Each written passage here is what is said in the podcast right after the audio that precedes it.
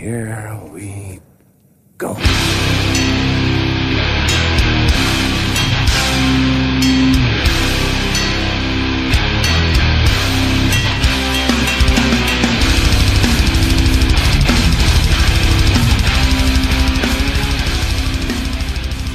Säger välkomna till det svåra avsnitt 84 av Nere på Noll podcast. Eh, jag, Robin Lindblad, sitter här med Daniel Nätterdal, Tjena. David Olsson. Tja tja. Har ni semester? Svar ja. Svar nej. Fan. nej, svar nej här också, men det är min sista vecka så det är nice. Kul att vara tillbaks. Något ostrukturerat tala om Hänt i veckan idag. Eh, lite egna tips framåt slutet. Det blir kanske ett litet kortare avsnitt än vad ni är va- vana med, men det beror lite på att vi har haft, ja, sommar helt enkelt. Och lite planer som har skitit sig i sista sekund. Ja, exakt. Kanske börja då, som vi gör, som vi alltid brukar göra, med feedback. Eh, avsnitt 83 sist, den med Brian från Catharsis, en grym intervju från Bilda kedjegänget. Vi snackar Outbreak Fest och vi snackar också om nya Madball, eller Manowar Ball, som vi valde att kalla det Har för. ni lyssnat på den någonting? Jag har lyssnat på den rejält. Ja, Svinbra. Jävla somrig vibe alltså. det hade varit intressant att höra från någon som var på gigget igår i Göteborg. Ja, fan att man missade det alltså. Vi fick in en hel del feedback. Eh, Martin Egelius skriver ju då Brian kändes mycket trevligare än vad jag mindes honom som. Eh, jag såg Catharsis i Malmslätt någon gång i tidernas begynnelse, typ 90-talet, och lyssnade faktiskt ganska mycket på Passion när den kom. I övrigt blev jag grymt bes- besviken när jag letade upp Odd Man Out för att lyssna på. Det var ju ingen modern youth crew där inte. Eh, nej, det urartar ju till ett litet genre-beef där mellan mig och den gode Martin, men jag står står fan, stand my ground på att eh, det finns mycket, mycket youth crew-vibes i Odd Man Out. Speciellt i hela, hela konceptet med att de är visuellt också 100% down for the edge. Men eh, Catharsis, ja, för jag har ju också hört lite så här att de ska vara lite jobbiga att göra med rykten. ja, För, för de turnerar ju, de har ju som, eller hade ju en del i deras filosofi att de aldrig skulle ta ett anständigt jobb. Så då var de ju tvungna att turnera jämt. Och jag har hört att de har liksom, ja, du vet, blivit kvar hemma hos någon stackare. i en vecka typ eller? Men det är ju ett, fanta- det är ett jävligt intressant band och eh, de är ju svinbra. Eh, dock fattar jag inte, alla hypar ju Passion-plattan så hårt. Men jag tycker den, den är helt okej. Men första plattan, Samsara, är ju typ det bästaste outstanding de har gjort. Den är så jävla mäktig. Så där har vi ju... Det var inte de som skulle turnera med tåg eller? Jo jävlar, ja nu när du säger det. Vad är historien där då? Eller vad har du jag kommer inte riktigt ihåg, jag kom bara på den nu. Jag menar att de inte, att de Att de inte, inte- åker, åker bil. Fan, nu har vi ju slarvat lite med researchen här. Men det är ju, det kommer jag fan ihåg. Vem fan var det som berättade det? Skitsamma. Ja. Men att det var jävligt bökigt. Ja, Det låter jävligt bökigt. Det hade varit kul att läsa boken om den turnén alltså. Och sen att de inte köper mat. Ja just det, att de Det- bara dammstrar. Ja, och det kan ju bli lite svårt om man gör det 100%. Eh, Johan Östlund skrev också Tack som fan för att ni inkluderade intervjun med Catharsis Brian. Bri- Brian. Brian. Eh, många fina minnen från honom som knöts ihop från turnéerna på 90-talet. Sen skriver Jonathan Fjällstad, lite rättning bara. As I Lay Dying är återförenade med den senaste, mest klassiska line-upen. Och det, då, då mår man ju dåligt när man hör den informationen. Så det är alltså Ja. hela, hela gänget tillbaka. Det Exakt. är ju Jag extremt. sa att det hade kommit upp videor fr- från något gig. Wow. Där hörde vi en hund. Säg om det där. Jag sa att det hade kommit upp video från ett gig. Jaha. Men det bojkottar man ju. Ja, ja exakt. Jag kollade ju på några sådana liveklipp innan förra avsnittet, även deras musikvideo då. Eh, Extremt dåligt. Ja, men det var typ den feedbacken som, som vi hade tror jag. Eh, vi kan ju gå in på, på Hänt i veckan då. Fick eh, massa gött på Insta när jag igår la ut en efterlysning om vad vi skulle snacka om idag. Mr Trogen till Döden säger det ryktas om en ny Oathbreaker-skiva. Ingenting annonserat än, men ryktena går. Eh, och det är alltid trevligt. Är de stora eller? Ja, alltså de var väl stora redan på De när var de spelade på stora i- Sa- Santa Fest, höll jag Okej, att de var stora i Linköping. Ja, 2005. Men det känns som de spelar på typ stationen här i Örebro. ja, För fem pers. ja, jag har för mig att vi snackade om dem i, Eller lite mer. i, Men, i det här black metal-avsnittet, men... ja, det, var ju, det är ju bra. Ja, de, det skulle inte förvåna mig om de är ute på stora turnépaket, men ingen aning. Med SLA Dying. Ja, exakt. Sen så skriver Mr Falkenäng här, eh, Svinbra konsert med Red Death från Washington och finska Forsin på Café 44 förra helgen. Eh, Efter bandens gemensamma Eurotour så drar Forsin till USA för åtta spelningar. Bra fart i seglen. Ja, de... Spelar de This is Hardcore eller? Inte i år, var förra året. Eh, nej, det är kul, kul att, det- att, att det går bra. Det måste vara jävligt svårt också att hålla i det hype-tåget. Eh, ja, såklart. Klassiskt problem att vara ett icke-amerikanskt band och spela i USA. Men ändå hålla, hålla, hålla peppen vid liv där borta. Ja, ja verkligen. Men de är ju sinnessjukt bra. Både på skiva men framförallt live. Sen så, eh, det har ju varit mycket, han skriver också att det har varit mycket bra från Washington Hardcore i Sverige på senaste tiden. Line of Sight och Protester lirade i Göteborg och Stockholm för två veckor sedan. Eh, ja, precis. Det var ju, de kom ju direkt från Outbreak Fest över till Sverige. Ja, just det. Men då var man ju redan slutkörd. Mm. Så, eh, men det är ju fet, feta band. Jag hoppas att de eh, lämnar mycket pepp efter sig. Ute i orterna. Exakt. Sen så skriver han här att eh, Shipwrecked släppte We Are The Sword i helgen. Är det något du har hunnit lyssna på? Eh, nej, men vi satt och rekade vart man skulle beställa den ifrån. Eh, om man vill komma så lindrigt undan som möjligt. Eh, det fanns väl från Hard and Smart i, i Sverige i alla fall. Annars blir Cortex, Ja, just det. Tyskland. Sen lite roliga nyheter från, från Falkenäng också här att en split sjua med Hårda Tider och Crucial, Crucial Section som heter Unleash the fucking Fury eh, som släpps i mitten av juli. Okej. Eh, Vad va, vad heter det andra Yes. bandet? Ja, det har jag aldrig hört talas om. Eh, Crucial Section. Men då är de japanerna som, de gjorde väl den som en split-CD här för fem år sedan. Ja, okej. Den förbokas i alla fall genom sista version Records. Ja, men exakt. CD-formatet är inte det bästa formatet, så nu Nej. får man köpa den Exakt.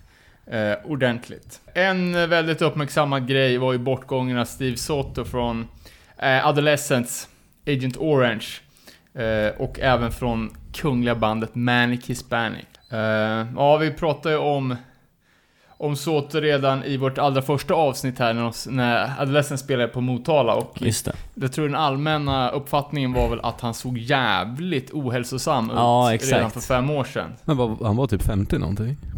Eh, vet ej. Jo, jag tror det. nog. Typ 52 eller Ja, något exakt. liknande. Eh, rest in peace. Eh, sen, sen har jag en liten punkt där då som är lögnen som ska bli sanning. Jaha. Eh, Andy 46 Hate. Eh, från The Rest of Us, eller från Nere på Noll avsnitt 6. PA Hardcore avsnittet. Eh, jag har hört det här ryktesväget att han har funderingar på att boka Trail of Lies och eller Eco Strike till Sverige. Eh, och då tänkte jag så här att det bästa för att det här ska hända, det är ju om vi börjar sprida nu att det här redan är klart. Så att han inte kan backa ur. Eh, Andy Ska, jobbar ska vi sätta datum till han också eller? Andy jobbar ju på MBV och har en jävla massa nyktra pengar som kan betala kalaset. Så att det är ju inga, det är ingen riskning, utan det här är ju bara att få, få till stånd. Eh, och det snackades även om att det skulle upp och liras i Norrland. Eh, till och med upp i Kiruna. Eh, vilket är jävligt pepp. Så har man en, en anledning att åka till Kiruna helt enkelt. Ja, det måste ju bli av nu för fan. Nu är du ute. Vi har redan börjat boka buss och grejer. Flygbiljetter. Ja, någon buss blir det fan. Men vi kan ju säkert boka något sådär skitbilligt eh, inrikes. ja, exakt. Ehm, Eller ja, tåg, Catharsis style. Exakt. Vi fick också med från Falkenäng här om att, eh, och det här hade jag också sett förbi i flödet, Tompa Eken, eh, le- just. legendarisk arbetare på Café 44, slutar och går i pension. Eh, är det någon du har haft att göra med när du har varit där och härjat? Eh, ja, vi skulle spela, fan vilka det var som skulle spela. Vi åkte upp med mitt första band, eller ett av mina första band, Angry Youth. Och var väl i princip redo att gå på scen när Tompa sa Angry Youth? Ja, ah, det talas om. De får inte spela. Så blev det att kolla på istället. Okej, Vad fick ni inte spela? Nej. fan vad sjukt. Men, ehm, ja, man har ju, har ju Eken att tacka för, för jävligt mycket. Eh, svårt att hålla en sån venue igång under så många år. Ja, det är verkligen. ju, måste ju vara en av eh, Europas mest legendariska punk-venues. Jävligt, ja, vad fan, det var ju Alive and Well där senast liksom. Ja, exakt. Det är ju still going strong, även utan Eken. Eh, sen kom det in eh, ett boktips också. Som, boken heter då Hold My Coat, Not in Philly, The True Story of a Female Punk Pioneer from 76 to 82. Släpps eh, i slutet av 2018. Den är skriven då av Nancy Beryl som är gift med Al okej. från SSD. Eh, hon har ju mycket att säga, hon är en legendarisk och tidig bokare slash arrangör i Philadelphia. Eh, det är också hon som sköter SSDs sociala medier och gräver ibland fram obskyra prylar från källaren i Als barndomshem och lägger ut för försäljning. Eh, signerade originalomslag till The Kids Will Have Their, their Say till exempel. 75 dollar inklusive frakt. Va? Eller varför inte Als gamla förstärkare. Den som, som eh, enligt legenden redan var spräckt innan de började, började lira. ja, jävligt kul grejer inskickat av eh, Falkenäng här. Ja, och vi måste ju följa upp nu med Sigtuna-scenen special. Ja, precis. XS. Eh, bläddra i den boken igen, den är fan nice alltså. Ja. Skön kombo av skate, lite snowboard och fan tidig 90-tals liksom riktig ungdoms hardcore. Mycket, mycket så här känner igen mig i det här tonårstänket liksom. Ja, fett. Eh, utöver det här så har jag inte så mycket den här veckan. Det var inte så många nya releaser. Jag såg att Death Haven streamade sin nya LP på National Public Radio. Eh, den var asdålig, så den behöver man inte Alltså, lyssna på. varför då? De har ändrat sound, alltså det låter som... Det är inte black längre. Nej, det är inte... Är det life metal eller? Ja, jag, jag tyckte inte att det var bra i alla fall. Det var, det var för... Ja. Hm. Konstigt. Eh, en liten kul grej som ni säkert inte har missat är ju Återigen nu då. Nu är ex-medlemmar av Chromax, eller medlemmar av Chromax, Harley Flanagan, eh, dissar AFA på Instagram. Sett den? Ja, just ja. Sjukt roligt. Eh, För att, för att de var våldsamma typ, eller vad var det? Ja, alltså, jag, jag tror ju, alltså jag är ganska säker på att, att Harley inte är nazi. Men det här liksom, det, det sätter ju verkligen liksom pricken över it på hur jävla korkad han är. Och det, alltså, det är ju inte jättekonstigt eftersom han har han, han kan ju inte ha gått i skolan en dag hela sitt liv liksom. Och alltså man behöver inte bli smart bara för att man går i skolan. Men han har ju liksom, ja, du vet, spenderat hela sin, sin uppväxt på gatan stenhårt pundande. Ja. Skippat allt aura. Eh, men ja, så hans, hans eh, grej var nu bara, typ, hur, hur, hur kommer det sig att AFA tycker att det är okej att attackera folk liksom? Håller man på så, då är man ju ingen antifascist, då är man en fascist själv. Och sen säger han bara, I can't stand Donald Trump, men jag skulle aldrig ge mig på någon som gör det. Eller som gillar Donald Trump. För ja, jag går ju och röstar. Eh, och det är väl, alltså, det är väl en ganska legit, alltså det är väl, alltså åsikten i sig är ju liksom, det är ju en pacifistisk, eh, det går inte att klaga på det liksom. Det konstiga blir ju, när det kommer från en chef som precis har spottat ur sig en bok, där han typ bara listar och skryter om alla de personerna som han har liksom eh, random spöat och assaultat. Det är, det är ju så jävla skumt alltså. Ja, verkligen. Men eh, jag tänker liksom att han... Han gör ju väldigt mycket nu för att liksom visa sin nya filade Ja. fasad. Att han är liksom en så här, fin samhällsmedborgare. Eh, Så jag, jag tror att, att han är lite nöjd att han ens får gå och rösta. Ja, Men var det ingen som hade kommenterat det? Ja, miljoner. Eh, Och alla de som kommenterar på det, då, då vart det ju liksom, liksom, ja. Make America Great Again. Ja, de... Det är det som man den säkert som, försöker... inte, som inte ens är Chromax-fans, utan bara rena nazis. Ja, exakt, Som men- bara hakar på. Det är det som är grejen här nu då. Han, han känner ju inte att han har någon support från hardcore-scenen, så då behöver man rida på den här anti...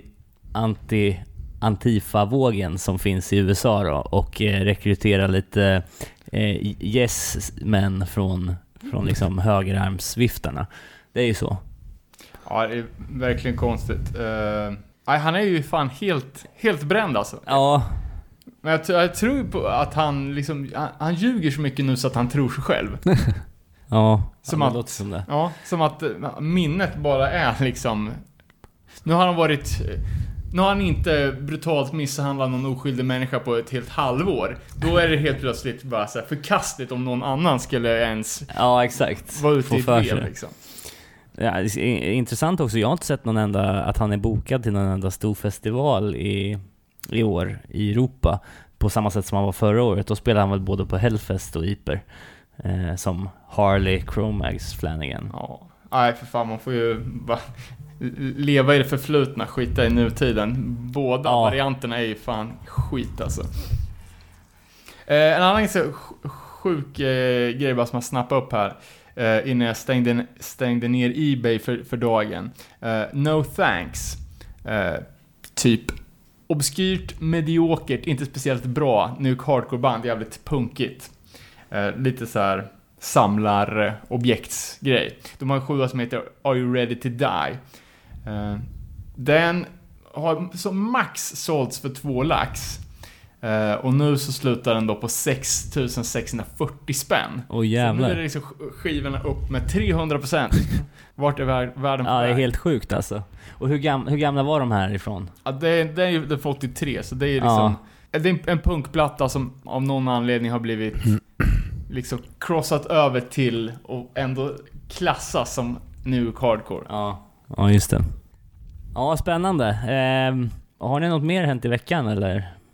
Ja, inte vad jag kom på sådär på rak. Ja, jag såg att Morning Again ska släppa en ny sjua. Asså? Fan vad fett. Jävligt konstigt. På Revelation dock. All right. Okej.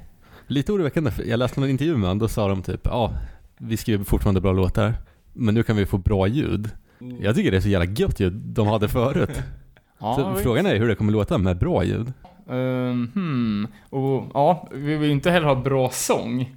Nej. Morning Again har ju någon klassiskt falsångsk, falsksångskör som är fan några av det sjukaste som har släppts igenom på ett rullband liksom. Men när skulle den släppas då? Ganska långt fram också, typ januari tror jag. Ja, fan det är, det är ett band som man skulle vilja se live. Alltså jag har aldrig... De skulle turnera. Okej. Ja, för de lirar väl på någon av de... Om det kan ha varit Iper som headline förra året. Eh, De släppte ju den diskografin också för några år sedan. Allt gammalt bös. Fett band. Ja, coolt. Eh, ja men ska vi ta och dansa in i, i huvudtemana den här veckan då? Det är lite kul för vi sitter ju här runt bordet utan den blekaste om vad vi kommer prata om. Eh, vi har varsitt ämne med oss och så får vi se om det flyger. Jag vet inte, är det någon som känner sig manad att börja eller? Annars kan jag börja. Do it. Eh, ja, jag, jag gillar ju att gräva upp gamla grejer så här som jag själv har missat. Eh, och eh, den här veckan då så kollar vi på Brooklyn. Eh, Hardcore-bandet Shutdown som låg på Victory Records, släppte två plattor där. Eh, så jävla bra! Alltså det, det, det, det, det kom sig av att jag satt och kollade på eh, den här A Tribute to Rabies spelningen som var right. förra hösten. Ja. Ehm, och så ett av banden som spelade på den tillställningen var ju Shutdown. Eh, någon form av mini-reunion eller någonting. För eh, de, de släppte ju en LP eh, 95 eh, på, alltså utöver, vi ska komma till deras fullängdare, men eh, splitten med Indecision eh, på det legendariska bolaget Back to Basics. Eh, och den, chefen bakom det här bolaget har ju vi snackat mycket och länge om. Han Men- borde starta band med Harley snart kanske. Ja, möjligt.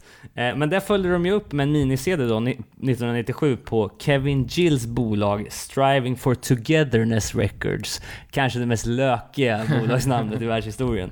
Eh, Men han hade tydligen på det bolaget också givit ut eh, No Redeeming Social Values som vi, som vi gillar, District 9, eh, några som heter Fahrenheit 451. Och sen har han gjort någon New York Hardcore-dokumentär där också. Ja men precis. Det är de, slä- han släppte ju soundtracket till New Hardcore-dokumentären. Ja, okej, då är det Eh, det som är släppt på. Precis, och släppte ju även första VOD 7 Still. Ja, just det. Jag såg på disk också att det var lite eh, förvirring kring eh, släppen för det här bandet. För det stod att den här eh, ehm, Striving for Togetherness eh, Records-skivan som kom ut där, alltså minisedeln från 97 var släppt 95, men då syftar man på den första LPn istället. Ja, det var lite förvirrat. Men det jag tänker att vi fokuserar på, det är ju eh, Against All Odds från 98 och Few and Far Between från 2000. Men- För jag har lyssnat på de här nu eh, hela dagen, och jävlar vad bra det är alltså. Eh, Men är det inte de som har släppt, det, vad fan heter den? Something to prove eller Nothing to prove? Ja, Something to Prove. Den svarta, 12-tumman. Ja, precis. Nej, vit är den. Nej, det är ju LP, LPn är ju vit. Few and far between. Ja, precis. Den är vit ja. Eller? Vad är something to prove då? Det är den andra. Ja, Orange logo. ja kanske. Eller också har jag rört ihop Ja, färgerna. precis. Jo, men Something to Prove, den är ju från 99. Men det, det är ju bara en... eh, Det är ju bara en EP. De släppte ju två på CD. Eh, och det var ju den från 98 och den från 2000. Eh, Against All Odds och eh, Few and Far Between. Eh, men de hinner ju ändra sitt sound ganska rejält på de två åren.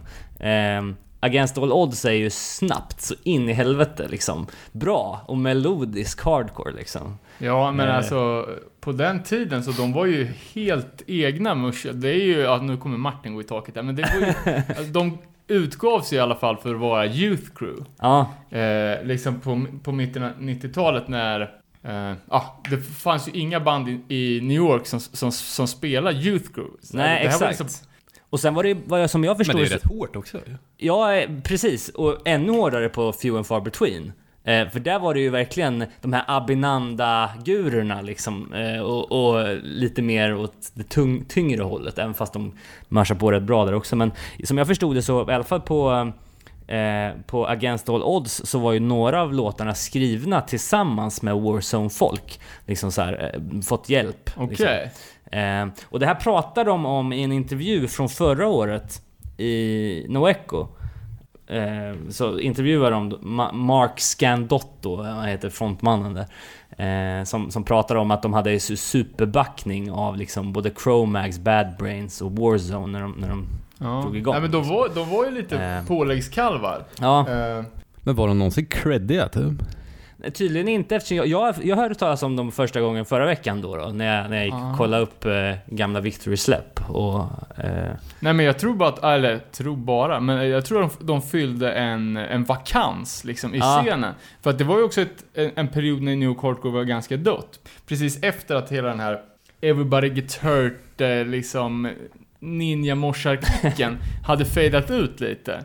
Och ja, det, det fanns ju, ja men, typ under Earth Crisis-eran liksom, när, när det var mer upstate hardcore-band som gällde. All Out War, Crisis, alltså Syracuse-banden. mm. Så tror jag att inne i stan, eller Brooklyn, om det nu räknas som New York City, att det, eh, att det var de som, som var hardcore. Tillsammans med Indecision som också är från, från Brooklyn. Ja, just det. Jag tror till och med att Rabies himself gick faktiskt ut i någon intervju och sa att ja, Shutdown är the future of hardcore liksom. Och de fick ju Jimmy Gestapo att producera den Against All Odds också. Eh, känd från Murphys Law. För jag tänker de andra banden, så VOD var ju stora och de är från Long Island. Fan. Ehm, och Kill Your Idols som också var bland de största. ja, precis. Också Long Precis. Island band. Ehm, ja, och det var just på Against All Odds då som eh, de skrev en låt tillsammans med Todd, Vinny och Jay från Warzone. Fan, undrar, vet du hur Ja. gamla de var eller? Jag har aldrig tänkt, alltså när det här kom så var man ju själv 16. Ja, Så att jag har inte aldrig tänkt dem som någon sorts superkid-band, men Nej. har någon ålder på de här? Nej, tyvärr. Jag, jag såg inte någon, någon info om det. Däremot så såg jag en bild på dem från 2017 och då ser de ju alltså, det är plus, plus 35 i alla fall. Men ja, det är ju liksom eh, straight edge och snabbt och det är jävligt bra. Jag blev, alltså jag blev sjukt imponerad av det här. Jag gillar det som fan. Vad tycker du om sången då? Jag det tycker- är ju det, det som är vattendelaren. Ja, jag tycker sången är fantastiskt bra. Jag gillar sån där... Det är jävligt high pitch. Ja, jag gillar high Det är pitch lite alltså. pricks vibes. Ja. ja, men om man kollar på liksom andra såna band som jag gillar, typ eh, Ja men Something Inside från Tyskland liksom, eller eh, Champion liksom. Det är ju ganska ljus sång. Ja. Så. Nej, för jag, jag kommer ihåg den eh, Shutdown Indecision splitten. Ja, jag köpte ju tre sjuor av det var Tobbe Olsen som, som hade Burning Heart eh, mailorden då. Det var först, första dagen på gymnasiet. eh, det var ju den, Coming Correct Dirt Nap splitten och sen 25 to Life demon. Då Ja, var man det. liksom sett. Då hade man hela här, Back to Basics 1, 2, 3. Då, Just kan, det, då kunde man bara leva ut. Ja. Men har Chattan gjort någon typ reunion-grej ja det var ju då eh, förra året på den här Rabies tribute-spelningen sorry, som, sorry. som de, de spelar. Och den finns på YouTube också att kolla på.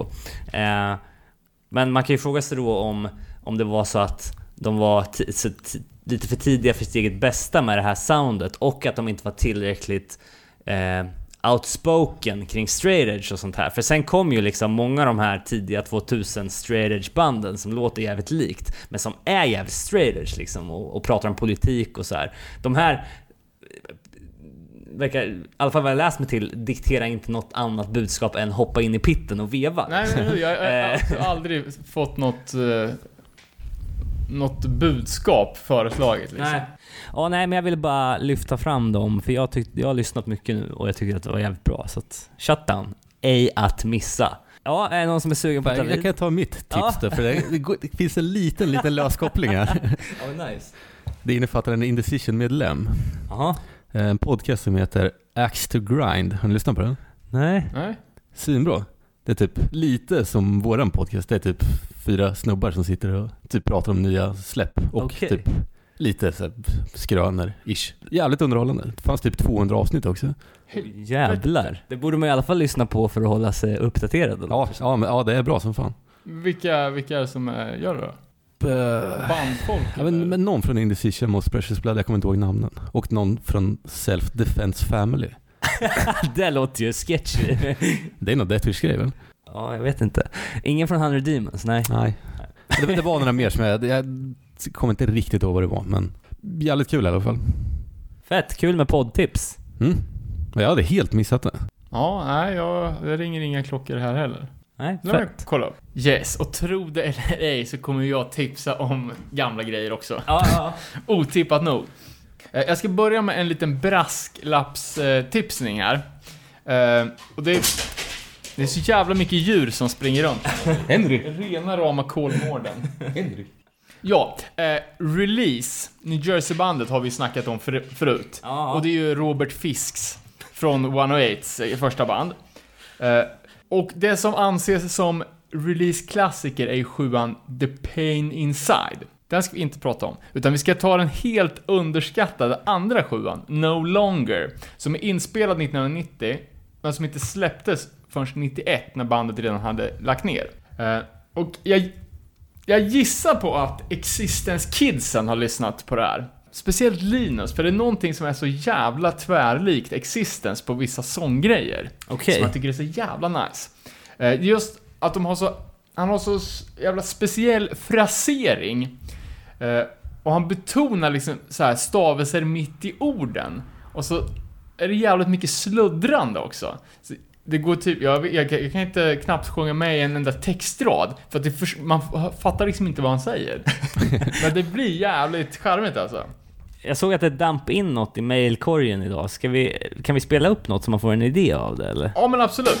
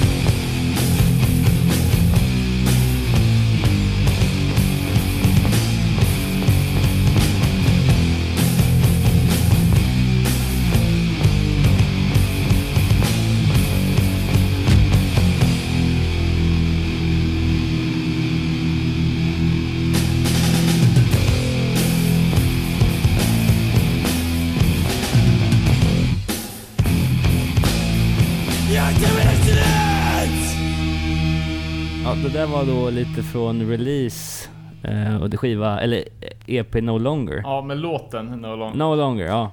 Eh, nej, och grejen är att jag, jag har ju försökt hålla det här lite hemligt.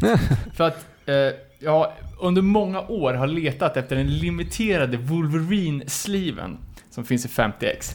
Och just nu ligger den på tyska Ebay och håller, jag tror typ att den håller på att gå ut as we speak. Jaha. Eh, Vad är den uppe i då? ja, lite överpris måste jag säga. Eh, Som är... jag- Det, det här kan inte vara en jättedyr skiva. 95 euro har jag lagt. Eh, och det får, får bära eller brista. Men om jag inte vinner, då måste vi klippa bort det här. Jag vill inte att det ska bli någon sån här release-hype, så att det ska bli konkurrens om de här sista exen som finns. Du har gjort bort dig. Det blir ingen bortklippning här då.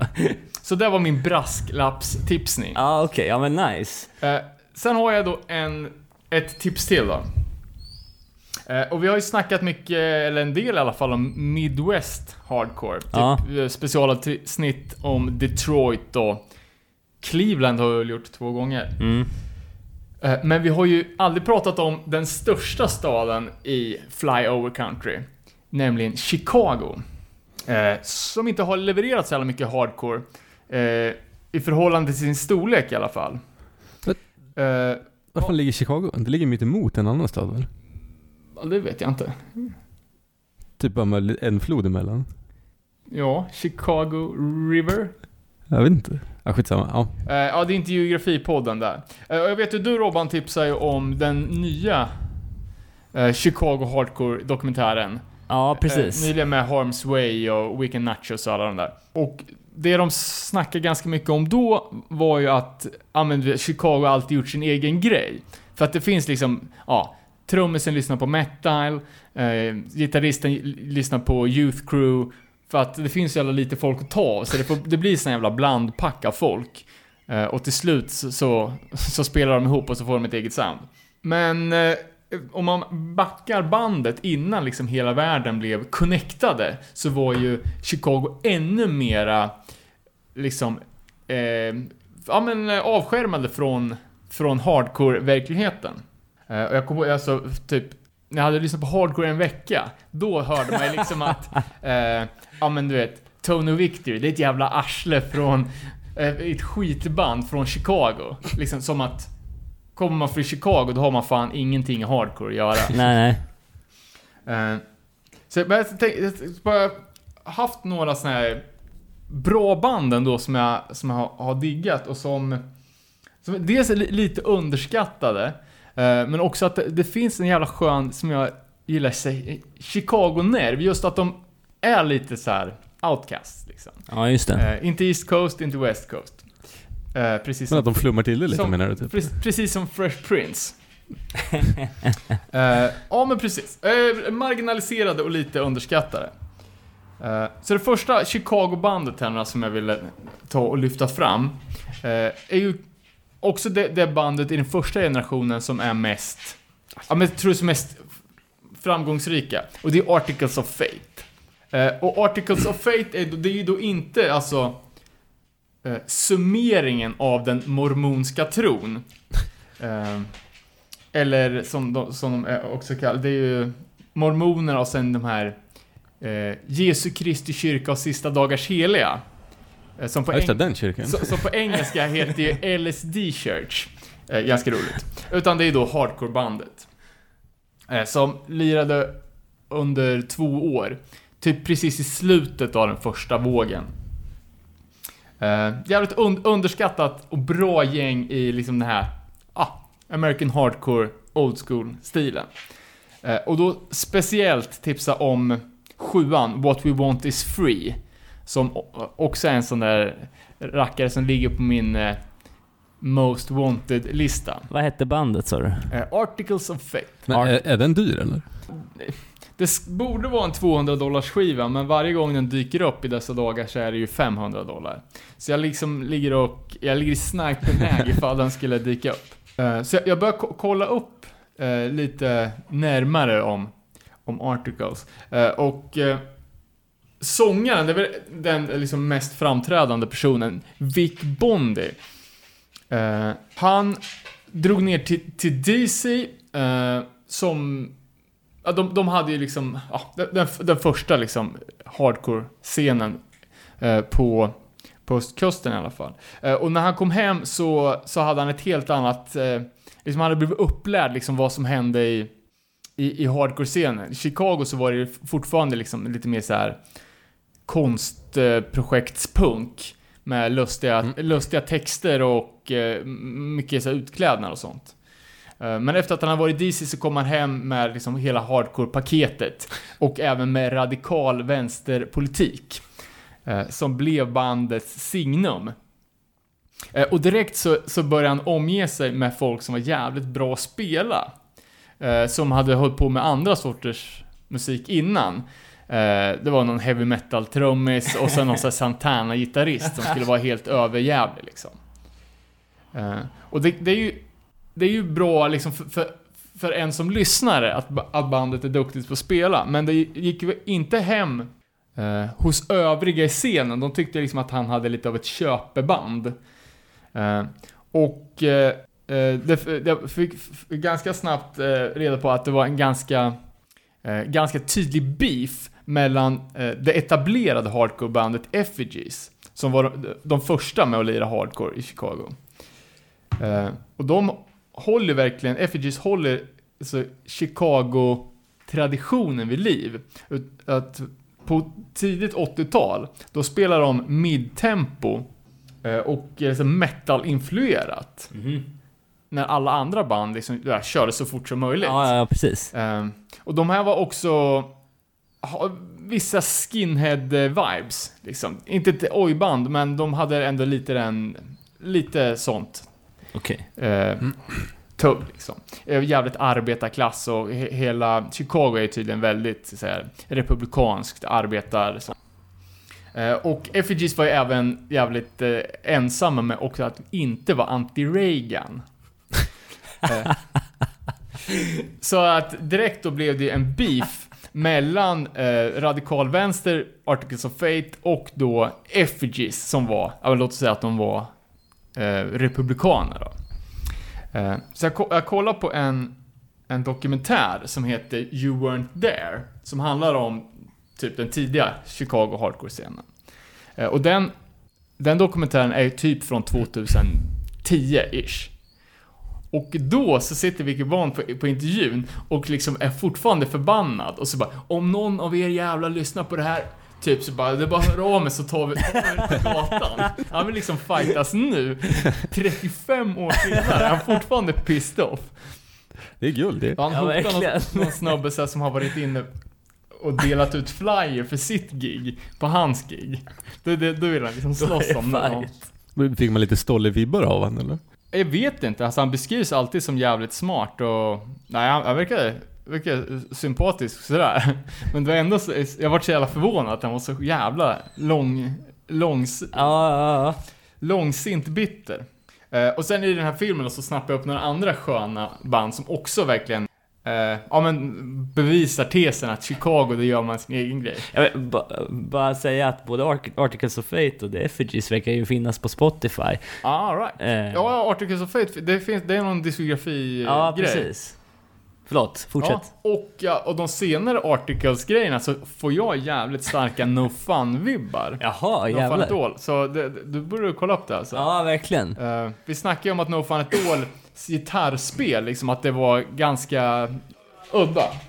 Eh, yes, och ett av de här banden då som man kan säga körde lite sin egen grej var ju The End Result, som inte hade någon trummis. Bara en sån sak. Fantastiskt.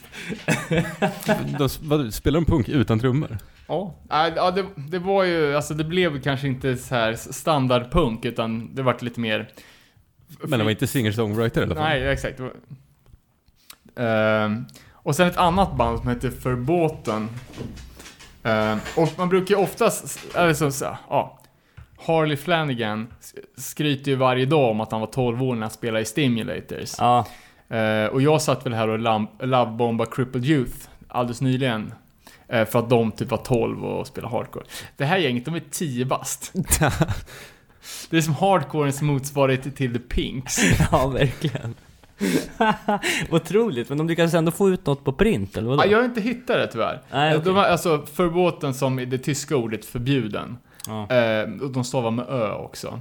Fan. eh, Jag ska... Jag, jag, jag, Vem, vem är så medveten i tioårsåldern att Ja, man hur? det är ju någon manager i bakgrunden där, det hör man ju. Jag lovar också att det cirkulerar ju ett eh, rehearsal tape någonstans för höga summor. Ja, ja, ja. Och en reissue som kommer på Radio Raheem inom kort.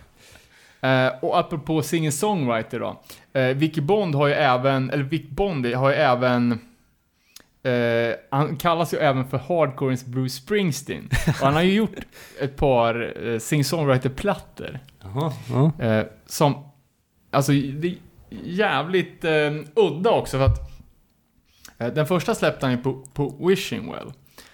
Och katalogen Wishing Well är ju typ, och se om man tar dem i rätt ordning, men det är ju första Unity 7 eh, det är Uniform Choice, Screaming for Change, eh, Youth of Today, Break Down the Walls, och sen är det Vic Bondi, eller såhär, singer-songwriter. ja, just det. Och sen är det hardcore igen. Och det är också piss... Har, har du lyssnat på Ja, det? pi- ja, jag jag har testpressen. Eh, det är pissdåligt. Eh, och, och likadant har han gjort och eh, saboterat Hawker Records katalog. Eh, de har ju, eh, ja, det är Pagan Babies, eh, Token Entry, och sen en jävla sing-songwriter-platta, sen är No for an Answer och Wrecking Crew. Eh, och den sing-songwriter-plattan, då kallar han sig för jo- Very Jones, eller Jones Very. Okej. Eh, ja, nej, jävligt skumt. Men eh, eh, Articles of Fate, Mm. jävligt bra old school hardcore. Fett. Får vi kolla in. Eh, ja, fan vad kul. Roligt med, med ämnen som man inte har koll på innan och bli lite överraskad. eh, ja men fan vad fett. Eh, vi eh, ska lyssna på en intervju nu också eh, med en snubbe som heter Thomas eh, som är gjord via Skype så ljudet är ju inte deluxe. Men den här snubben har en rätt ro- intressant, inte rolig, men intressant historia. Han bor i Chile just nu så att vi kollar in den och sen så hörs vi om typ två veckor igen. Se vad det blir då. Grymt, tack för idag. Tack!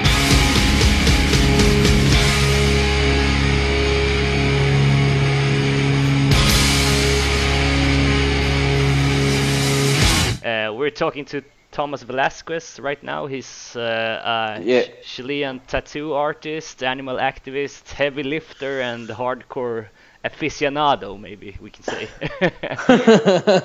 Uh, yeah, man. That that's it. That's That's, it. basically me. and, and you and I have Yeah, a man. connection since you did some tattoos on me for about 18 months or so ago, I think. Yeah, about that time. Yeah. Uh, but uh, I basically wanted to start from the beginning. Like, uh, how old were you when you moved to Sweden? And were you already into hardcore when you moved to Sweden? Yeah, I mean, I've been to hard into hardcore scene since I was like 19 years old. I mean, I, I was before. I, I come from the, the hardcore punk scene more, more like like you know the, the anarchists and um, all that that kind of DIY, more like punk related, like more like you know, like I, I used to listen like mostly bands like bands that are from from either Spain. There's a famous band called Sin Dios, Yeah, yeah. like No God, basically that's the name of the band. Like there's that band. There's like I come from more like that kind of background, more like more like punk related. But uh, what Tell me. what made you move to to Sweden? thing is like it's it, I I actually didn't move right on to Sweden. Like I actually moved to Finland Oh, back in 2010. Uh, I had a um, girlfriend that later became my wife. That that's the main reason. Like she was like, yeah, I want to study, and Finland is it has better like choices, and I don't have to pay for studying there. I actually get paid, and blah blah blah. You know. yeah, yeah, yeah. So long story short, she moved there. Then I traveled the freaking world. Like man, like we broke up. Uh, sadly enough, like we broke up. I moved to one summer to Norway. I lived there. Oh, Then I went to Germany, and then I started traveling. I was like, ah, fuck, fuck this, fuck, you know. So I was like traveling around, and I was coming back. It, it's actually funny because I was traveling around, and I was coming back from New Zealand. And my girlfriend at the time, she was from uh, Norway. Oh. And the day I was like getting on the plane coming back to Norway, she dumped like she broke up with me on like texting like you're never here. We barely see each other. I don't think this is working, so I'm out. Yeah. And I just put that back like okay, like what can I do? I mean, you're dumping me. So I was like, okay. I landed in Stockholm and I went to a tattoo shop I did a guest spot like the year before. All right. I was like, I need a job. I'm like, I'm like alone and I need to work. and they were like, Oh, we're not really looking for people to hire, but you're a nice guy, blah blah blah. You hired. And I was like, and then suddenly out of the blue, I'm there like working, Yeah. So it was by chance. like basically. Stockholm. All right. Yeah, it was. It, it just it just happened like naturally. Yeah. And the first thing I remember I did, so I got a job. I got a, I got a, well, not an apartment, but I moved with a friend. Well, she later became my friend. Like you know, if you're listening to this, you know, thank you so much for your support. I really needed that time. So yeah, that will be with her. She was super cool. Yeah. Did you did you connect with any specific people in Sweden, and, and how did you yeah, get started? Like. yeah. Linus from um Existence and uh, Neighborhood, like he connected me with some activists. Like he was like, okay, these guys are like, but I mean, I'm talking. This is I landed in Stockholm like August 2015, if I'm not wrong. Yeah. You know, and two weeks after, I was already like meeting people from. Uh, from uh, from uh, an activist group. I don't I don't want to say names because uh, Yeah. Yeah. I understand. not not not only because my Swedish sucks like big time, but because I, I just don't. Maybe they don't want to be related, or Yeah, they don't yeah, want to, you know, just just leave it there. Like uh, so, I started doing stuff right on. Like I landed and I started doing things right on. All right. Any any You know. specific things you can talk about, or is it like still? Yeah, yeah, yeah. Like no, no, no. It's all right. Like we we basically was it was all about educating people. Um, you know, like it, it was all about um more more or less like trying to show people like you know uh, veganism is not all weird and you know it's not it's not like just like you think oh shit like those are hippies eating carrots you Yeah, know, like, yeah, yeah. you know we're we're normal people too you know like you could actually share a, a thought or two with some people and then make them think about it or go to a demo like uh, any demonstration like we'll, we'll do too like like usually just you know waving signs or showing up people the horrors of the industry stuff like that you know Yeah, yeah. So uh, Yeah. um, one thing led to another, I guess. Um, uh, I mean, there was a specific action right before you were forced to to leave. Uh, oh Sweden. yeah Uh, so yeah. can can you tell me about the the start of that thing and and how it all went down? Yeah, I mean, I met I met an awesome guy that later on in my life became a really good friend of mine. Like he's he's a nice guy. Like, um, and he was like, man, uh, I I actually changed the uh, like from one activist group to another one. I move I move on with these people. Um, we did some really cool stuff together a couple of times before. Um, you know, and then he was like, "Okay, dude, like this is happening. Are you in?" And I was like, "Yeah, sure." So basically, everything was about trying to um, record the horrors of the mink farms. You know, in Sweden, a lot of people in Sweden don't really know about um, mink farming, fur fur industry, and all that stuff. You know, Yeah. so we wanted to expose these atrocities like as much as we could. Um, it was nothing about being like dangerous to anyone at all. Like not like usually press and, and, and you know the the mass media try to frame us as you know fanatics, crazy people that you know will hurt everyone just to save an animal. Yeah, It's- exactly. that's not the point. You know that that's never been. It's it's always about exposing, exposing atrocities, exposing you know things that people don't really know about it.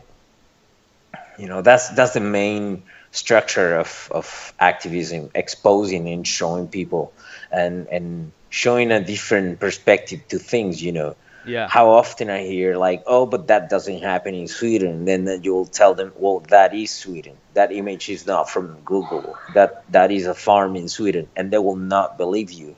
Yeah. You know, sometimes they do, of course, but you know, many times it happens too that they will be like, no, that's not Sweden. It's like, how do you know it's not Sweden? Yeah. you know because because the standard usually people trust you know the standards but what's the standard like for what like Yeah. there's no humane way to kill someone you know Yeah, and I mean, how how Um, should you be able to be enlightened unless you're educated what's happening? So, I mean, exactly there's no other way you know you stress i mean you create a moment of stress with people so people can actually do something about it yeah. you know but that discomfort zone is that the people want to avoid as much as they can you know and that's what we brought we bring them Yeah, so uh, I, I remember this incident from a couple of newspaper articles in Sweden. Like they were they were talking about a, a activist group having tried to expose a mink farm and then being grabbed by the police. Uh, can you maybe describe what happened on that day? Uh, like what all went yeah i mean there's there's this friend of mine a really nice guy his name is niklas peterson he is a owner of a fur farm um, in sweden Uh, we actually tackle his company because he's one of the biggest if not the biggest fur farm in sweden mink farm to be like more specifically talking about um, his his farm it's located in uh, Falkenberg. Um, that day on it was a Saturday, uh, November the twenty fifth. Me and a group of activists we entered the farm to record the horrors of the place and, and register like so people could see. You, we wanted to expose the atrocities happening there. Um, Niklas Peterson is a guy that uh, slaughtered 17,000 minks, if not more, a year, Oh yeah, you know, by season. crazy. Uh, yeah, it, it is. I mean, one will be a lot, and it's 17,000. You know, we entered this place uh, and we got confronted by the farmers and the owner. Like, it was mostly women with me. Uh, I mean, there was an, uh, like other few guys, but it was mainly women. So farmers were like, "Yeah, this is easy peasy, right?" So they attacked the activists, and there was a little bit of an incident there. Like they tried to push harder, so we will hit them, yeah, yeah, yeah. but it didn't happen. Uh, so they got desperate. Um, there and then a friend of mine, he defending me, he jumped and spray um, like this foam. It's a it's a red foam. I think they use it like an anti-personnel. Yeah, yeah, yeah. Like to protect yourself in case of a dangerous situation. I don't know what's the name of that, but yeah, it's, I never seen it before actually. Um, so he sprayed his face, and then there was a fight, and I was like, okay, this is going south Yeah. really quick. Sorry to cut you off, but did this Yeah, yeah, happen no, no. right right as you entered the farm, the confrontation? No, I, I was already inside. All right. I was already inside. Yeah. So the whole Yeah. whole thing went And- si- sideways when this fight broke out. Then. Yeah, I mean, the thing is, like, it, it was already very, like, the tension was really, really high because there was, uh, there was a girl recording with her, her camera, and then uh, Niklas became really, really aggressive towards her, and she's she's like 18 or maybe 19 years old. Like she was just recording, and he was really really aggressive towards um, her. Um, I remember where I'm I'm trying to walk a little bit away, and he, he tried to stop me, you know, and that's when everything happened like really fast. I never hit him, I never pushed him, I never did anything. He was pushing me, but I was like, cool down, cool down. If you do something crazy, they'll point you like the most violent guy ever. So I was just trying to cool down. And then that the incident happened. I said, "I really gotta get out, man. Like I really, really gotta get out. So I was like, because I was like, I either punch someone or I either get to jail, like Yeah. right on, because whatever crazy thing. So I left. I left the place, um, and I met one activist that was a little bit off from the farm. Then we drove to. He started driving on the highway, and um, um, uh, on the highway, police was like the farmers told them like, uh, yeah, okay, these guys like, uh, there's these guys that were here, and so the cops followed us, both of us. All right, and then they grabbed Um, you. yeah, they stop us on the highway. They made me questions, a lot of questions, and uh, yeah, it was like maybe two hours. Like I was just keeping them there. Like I, he said I lied to him. I never lied. I just didn't answer right on Yeah, all the questions. Cause why should I? yeah, yeah. like I didn't do anything, and then was keep pushing, keep pushing, keep pushing, um, and then they detained me, cause um, I don't know, like it, it was never clear to me, and and it was like, oh, you know, it was. They said to me like, oh, you know, uh, like it's okay. This is this is fine. You you're gonna be deported in like two months. You're gonna be back, which is not true either, cause I got banned from Yeah. Schengen countries for two years. Yeah, that's crazy to me. Um, but but uh, just to like uh, recap, you, you you were taken to lockup essentially, await awaiting Yeah, I was- or something. I, I mean, I had, I had a judgment, but I never see a jury, a lawyer. My lawyer. I mean, I was in a detention center for immigration in in uh, Oslo, Okay. in Sweden. Like that. Like I never saw a jury. I never could talk to anyone. Like my case, I had a really nice. Um, I I I'm not sure if he was a cop or who, what, what he was, but I got an interview with a guy from the from the detention center. He was really nice. He was the, the only person that that I could see that was checking my case. Because they ask me all the time, so do you want to leave Sweden? I was like, yeah, you already have me here. Just let like, what do you want to do? I like I was inside. Like, what do you want to do with me? Like, Yeah. yeah, well, we're studying this, and I was like, you know what? Deport me. Like, if you're gonna keep me here for like half a year locked up, no, thank you. Yeah. Get me out. Yeah. Yeah. You know. So they deport me.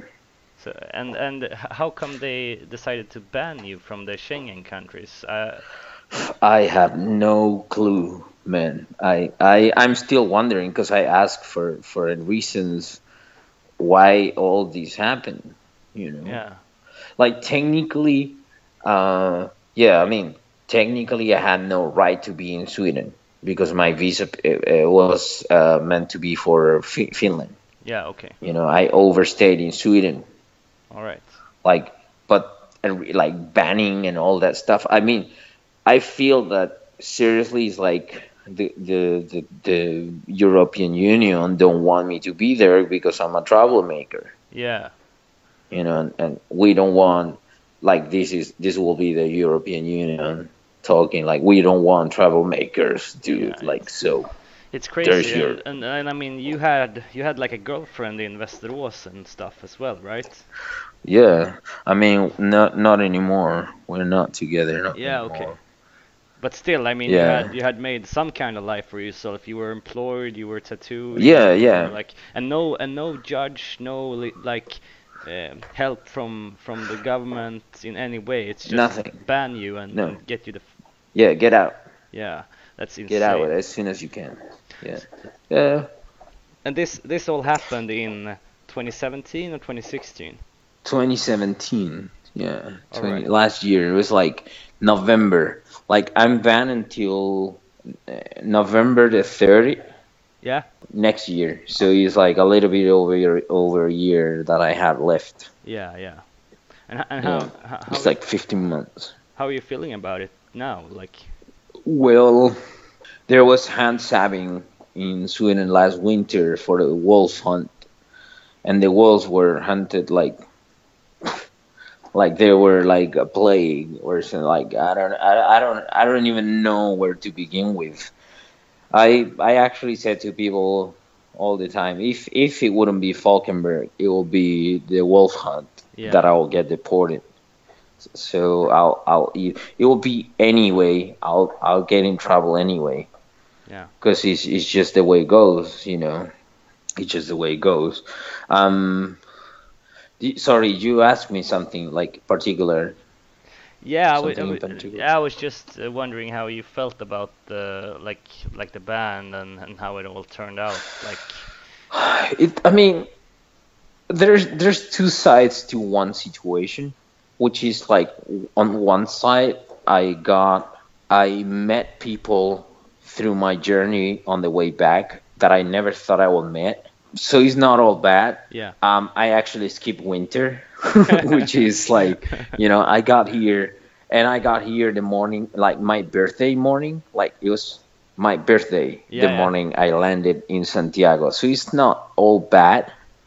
I'm still here. I'm still like, it's not all bad. yeah, But my life was the, the last seven and a half years. Uh, it was all Sweden. It was all Europe. I mean, Finland. All my friends are either in Finland, Norway, or Sweden yeah, because it's the last seven and a half years of my life I've been living there. You know, my life here, like when I came back, that's the downside. Like everyone did their life, like their lives, and and my friends grew up. They have Yeah. kids, family, jobs, and stuff like that. So I, like when I came back here, it's kind of like it feels kind of to be like lonely. Like I got stuck. yeah. I don't have kids. I don't have a family. exactly. Like I don't have a wife. You know. yeah, I don't have like they all grew up, but I'm still here, like a, a hardcore kid doing activism. yeah, You know, and I'm 32. yeah. We're we're the same age, you and I, though. Check it out, man. I didn't know that. You know, um, it's like big shout out to the hardcore kids that still rocking on. You know, like they stick together with the with the hardcore scene and being a kid all the time. Yeah, yeah, yeah. you know it's harder it's harder to keep keep on you know keep on hardcore when you get older because Yeah, i don't know but but you still do you know you you keep doing it i don't know there's there's a reason you do that yeah. The fire fire never stops burning. yeah never no never so never does let me let me turn to Chile then. Um, about about Yeah, what about the hard, hardcore scene in that country? Any any bands you would recommend or? dude there's there's here like it depends on on what kind of music you want to listen to there's there's uh, there's classics which is oh like you know you got in europe the same thing. Like if, if you go to sweden there's a couple of couple of classics that everyone knows and Yeah, you know okay i'm gonna put a really really really high up name that actually everyone in sweden hates but the rest of the world loves them which is refused. Yeah, like everyone knows that band you know like everyone. It's a classic. Yeah. but no one is a prophet in their own land right? Like But do you have, I- I- do you have I- any any band in, in Chile that is like the equal part of what Refused is in Sweden? Like, yeah. So there's there's few bands here that i'll say um there's a band called i'll say the name uh, in english so people can translate it and find it if they want. There's a band called against all my fears it's it's contra todos mis miedos is the name of the band and they are like they're a really good band they don't i, I don't think they play they're not playing I don't, i'm not sure there's also There's a, bo- a band called Entre Fuego, which is a really, really old band. All right. I'll, I'll say it again so people can try to find it. Entre Fuego. There's a lot of bands from uh, Brazil. Yeah. I'll shout out, but um, I'll say, wait, wait. There's two bands I like from my country. One is called Empatia. Uh, it's a vegan straight edge band. Okay. Uh, means uh, empathy. Really, really easy to relate to. Yeah. And then there's Sendero. Sendero is also a vegan straight edge band from uh, from Chile. Um, shout out to Vitamina, which is one of the guys playing there. Like really cool vegan straight edge kid. Uh, just for the record, I, I haven't been all my life straight edge. I, I broke edge and then I came back as a Hare Krishna. All right. Yeah, that was actually what I Yeah. was going to to talk about next because I mean Ah, the, the Ha- Hare Krishna scene uh, and the hardcore scene. I mean bands like Shelter and so on. It's it's it's a Yeah. tight connection, at least in New York with. Uh, John Joseph and Yeah. Pro-Max and so on, but uh, you you don't really see Yeah. people these days claiming Hare Krishna a lot. So it's it's like it's 2018. I see you've been converting. I have to ask, uh, what what brought you to Hare Krishna? Ah man, Krishna is a mysterious uh, force. You call it God, force. You you you name it the way you want. People call it energy, God. They put them name. But the thing is, like I, I was always connected to my five senses. Never, never, ever thought about you know God or anything like that. 'Cause Yeah. for me, it was always like bullshit. I mean, I come from an atheist anarchist background. Like I was like, fuck God, no God, no bastards, and you know all that stuff. Yeah. Always. I got deported. I come back here. I had nowhere to go. I landed at my mom's, literally on her backyard, like just like a teenager. Like I had no money. I'm broke. I had no place to go, so I went to my mom's. Easy peasy Yeah. right? I'm tattooing here and there, not that much. One of my machines broke, tattoo machines. It broke down. I, I have some savings from from all the tattooing. My savings are running thin, and I'm like, okay, I need to do something. Meanwhile, I'm fixing my machine, right? So I need to do a job, a simple one that I can quit anytime, right? I was like, yeah, but I'm not gonna work with meat, you know, or with any animal flesh really or something nearby you know any animal byproducts no way so my my closest option uh, was a part-time job making burgers in a in a krishna temple. Oh, okay. i was like perfect. You know it'll be just a couple of days maybe weeks and then i'll be off and i'll come back to tattoo blah blah blah. The machine broke. I move out of my mother's live on my own um, i needed to make more money so i actually asked them for more, more workload. So i got more workload. So i started spending more time at the temple.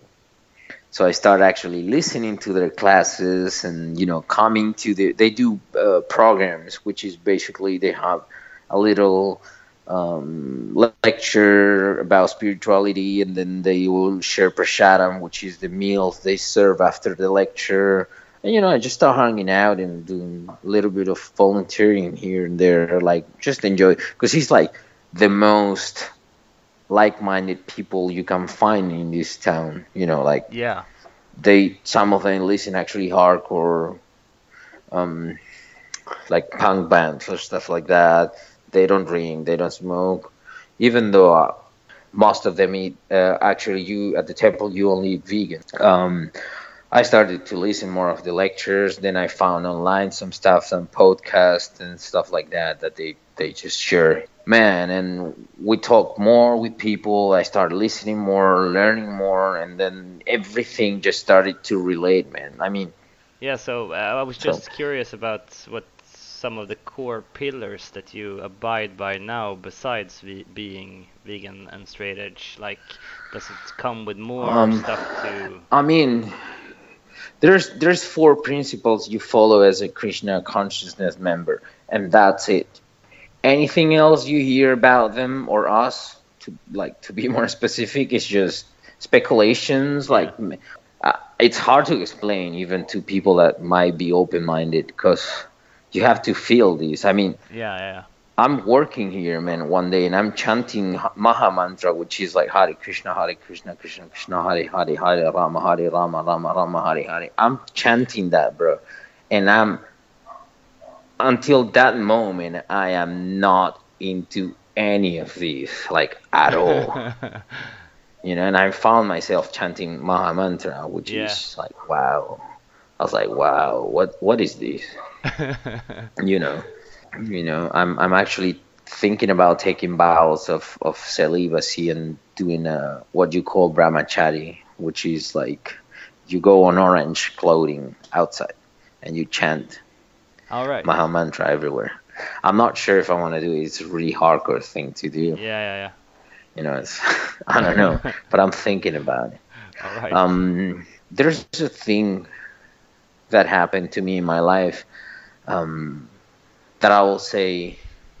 I, it made me realize that when you do activism, there's no pay. You actually spend money. Yeah. You know, and and uh, even with all these odd, even all the odds against you, like you get to realize that sooner or later you have to put down the, the, the fact that no matter what's happening in the world if i if if if i wouldn't be if it wouldn't be for sweden and for what it happened to me i wouldn't be where i am today and i'm not talking about being krishna but being more determined to make the, this world a better better place for the animals you know like it just reinforced my my my thoughts about why we have to fight for animals, why we have to do things that not many people are willing to do. yeah. I think that the first and the last thing, when I wake up in the morning, back in the days could be my girlfriend, could be, uh, I don't know, the gym, could be anything else that it will pop up in my head first thing in the morning. Nowadays, the last thing and the first thing I think during the day, it will be more or less, you know, activism and what I can do to change these and what kind of what form of activism I can do to make this place a better place and what kind of things can change how can I improve you know uh, things for animals every day man. All the time I'm thinking about it and every moment everything I do it, more or less sooner or later it comes down to animals you know. Yeah. it's not just only to be vegan, which is not a bad thing. It's already like awesome if you are awesome. But you know, you I, I can't pretend to save the world by by eating tofu. And if you don't have the time, maybe support monetary. Like if you can support someone, some mission, some activists, some some group of activists. Like there's Your Front, which is the the last group I was at. Yeah. Uh, they they do an awesome job in. They're actually in Örebro All they do an awesome job at, at, at, at you know exposing abusers and you know showing people what veganism means and all that stuff you know. Um, with that being said man i think uh, yeah if if if people can do more you know if people can actually help others to help if they can't do by themselves that will be like like everyone wins you know what i yeah. mean? Animals wins the environment wins like everyone wins you know. Um so that that will be that will be a big thing for me like to say like i really wish more people could help either other activists or get involved in doing things you know.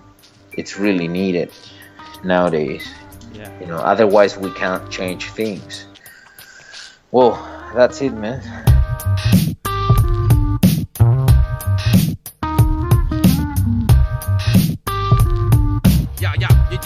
yeah, yeah, yeah, yeah, yeah, yeah, yeah. When the long arm of the law is grabbing you, backstabbing you, police cars passing you on dark avenues, mag lights flashing you, pigs harassing you, breaking you one thief on the street. I try to tell you that back on the biggest hustle track. It's okay to sell crack if the cops got your back, and they certainly will if they own your payoff. They know that if they fuck around, they getting laid off. And to cops, it's to the average citizen, a clean conscience compared to a steady income is nonsense. That's why I stay getting busted for bullshit charges. More than one time, one time came around. This what went down när jag var i Burlöv. Du kommer ihåg, eller hur bög? Jordar slog, vi hade just Now we getting fucked by the long dick of the law, inflicting social diseases cause they use no protection. Judge slammed the hammer, DA got an erection. Wouldn't even give me a public defender for such a small case, not paying on the train. Still, they wanted 4,000 kroners from my bank account. I thought that was a too big amount. But the judge didn't have no sympathy on me. All on his mind, a conviction or a fine like Junior Reed. But I wasn't fighting no war. Ticket to me door? To me door. I was only trying to make a whole car. A whole car. The Bigfoot beast wanna arrest I and they wanna put I behind bars. Him just a blur, him just a blur. Free Mia, Abu Jamal. Check it out, yeah, yeah. Yo, when the long arm of the law is grabbing you, backstabbing you, police cars passing you on dark avenues, mag lights flashing you, pigs harassing you, breaking you down, When smashing the you. long arm of the law is grabbing you, backstabbing you, police cars passing you, on dark avenues, mag lights flashing you, pigs harassing you, breaking you down, smashing you, asking you what, why, when, and we're at you, we're who, so you is innocent to prove, yeah, yeah, they in the wrong mood, you in the wrong groove, or you might look kinda rude, either ways you getting screwed, told what not to do, how to improve the system by not making moves, not questioning rules, not being concerned with who's getting beat and bruised, who's being abused, well, I got news for those who believe the police doing they work right. My man from back home killed this kid in a fight. Had to do social work, he got arrested a few times, but never had to do time, never paid no fines. This other cat, he killed trains with visual violence, which equals a loss of cash money for the government. They couldn't prove his guilt as he stood in silence, but since that crime was economical, they bent every law and paragraph they could find to lock him up. Now what does that teach us? They don't give a fuck if you hurt flesh and blood, that don't cost nothing, but you'll get like 12 months for material destruction. Yo, that's disgusting. So when the long arm of the law's trying to get his grip, give him your middle finger, then split. Yo, split. Yeah, what, what?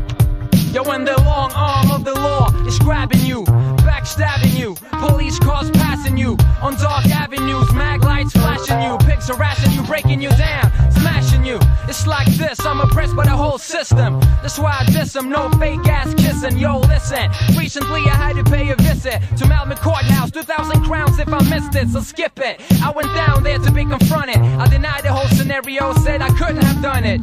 Now I'm 30 in the morning, met my lawyer. He said it looked kinda bad, they got witnesses and all that. Fuck that, I still feel like I'm innocent. You think I wrote PIF on MacD without a reason? Yo, I'm stuck, it's like David versus Goliath. A lonely man versus the corruption alliance. Don't expect silence though, I make noise till your ears bleed. And make the walls cry paint until I stop breathe. Believe me, I know the time when it's on. Cosmic lyrically, I'm rocking Babylon. Yo, Kaz, what happened at that trial instead? You know the same old song, they find my story insufficient, mistreated, defeated, and mentally harassed. An outcast who's done for punishment at last. Yeah. Check. Yo, in the long arm of the law is grabbing you, backstabbing you. Police cars passing you on dark avenues, mag lights flashing you, pigs harassing you, breaking you down, smashing you, government taxing you, but turning backs on you. If you got the wrong sex and the wrong accent too, the wrong attitude, living at the wrong latitude, still they want your ass to show gratitude.